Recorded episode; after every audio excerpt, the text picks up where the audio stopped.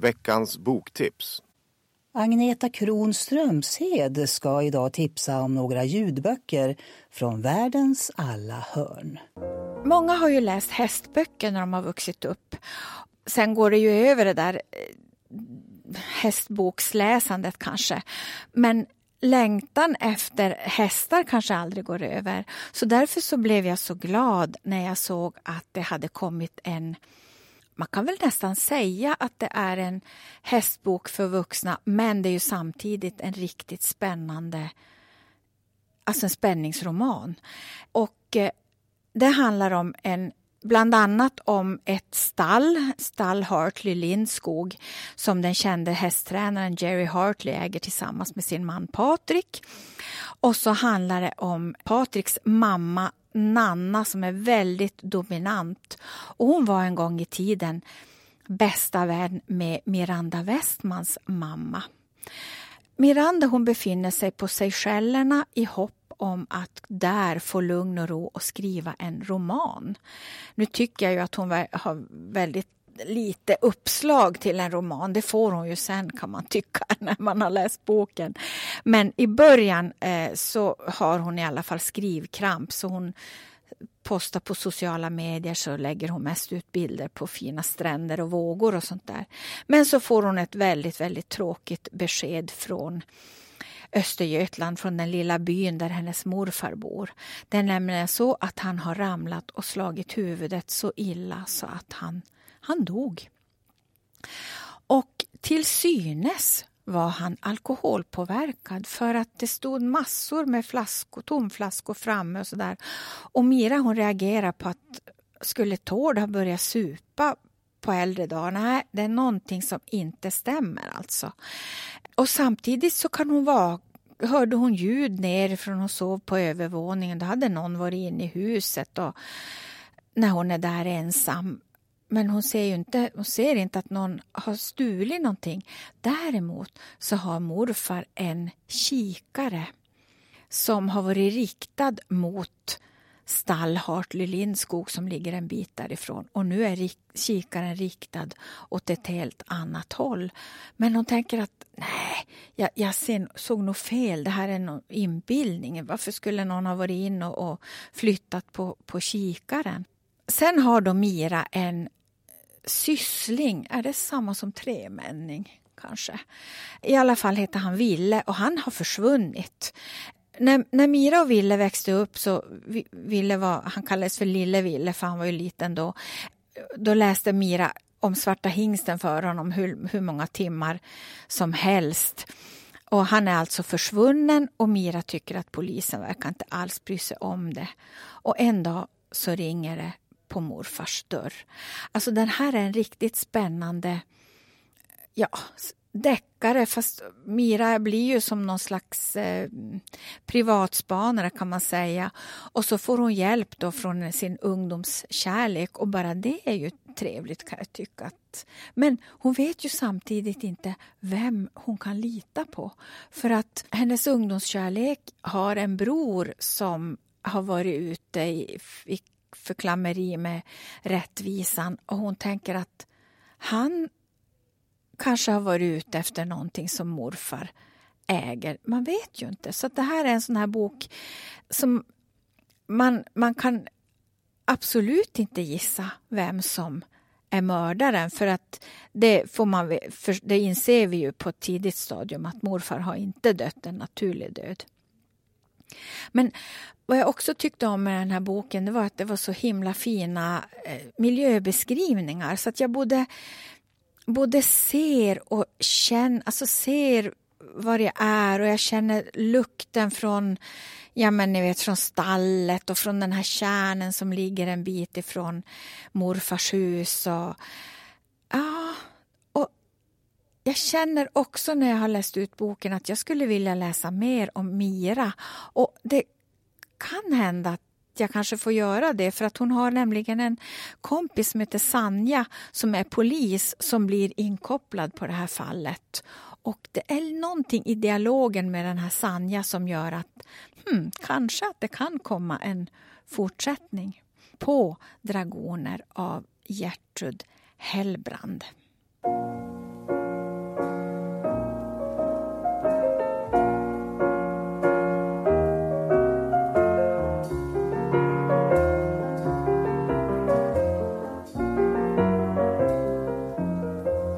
Östergötland så ska vi faktiskt ta oss ända till Fifth Avenue nummer 12 i New York. Och det här är ett hus, ett höghus som faktiskt har en av New Yorks sista handstyrda hissar.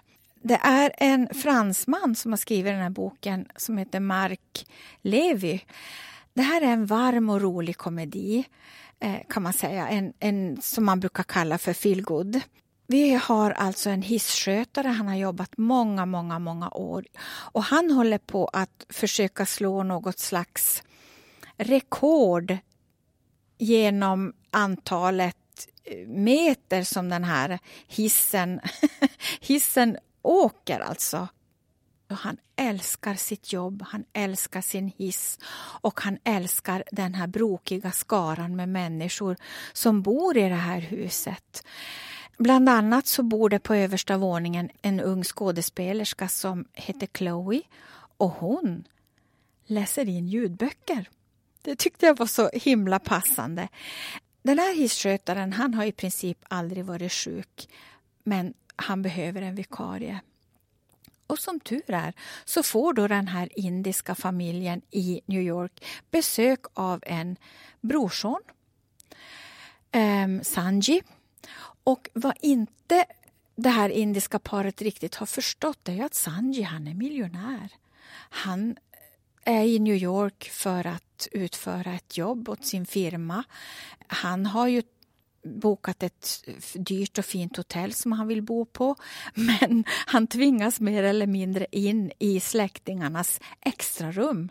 Han får flytta undan lite lådor och kartonger och så får han bo där. Och så föder då hans faster honom med all möjlig indisk mat som hon tror att han längtar efter medan han i själva verket vill kanske gå ut och ta, dricka en Cosmopolitan på närmaste, närmaste krog det händer ju en massa saker medan Sanji är hissvikarie och bland annat så tycker han att den här Chloe är ju väldigt, väldigt söt och skulle hon kunna falla för någon som han? Och boken heter ju Någon som du och är skriven av Marc Levy. Och jag säger Marc Levy med franskt uttal för att han är faktiskt fransman han har ju också skrivit en bok som precis har kommit och som jag har skickat förslag till mitt närmaste bibliotek för vidare befordran till Legimus med hopp om inläsning och den kommer jag att definitivt att tipsa om också. Jag ska bara göra en liten sån här en liten aptitretare om den boken. Den handlar om en pappa som försöker få kontakt med sin son som han tycker att han har övergivit. Ja, jag tror inte att jag ska avslöja titeln, utan det, det kommer. Sån är jag. Cliffhanger. ja.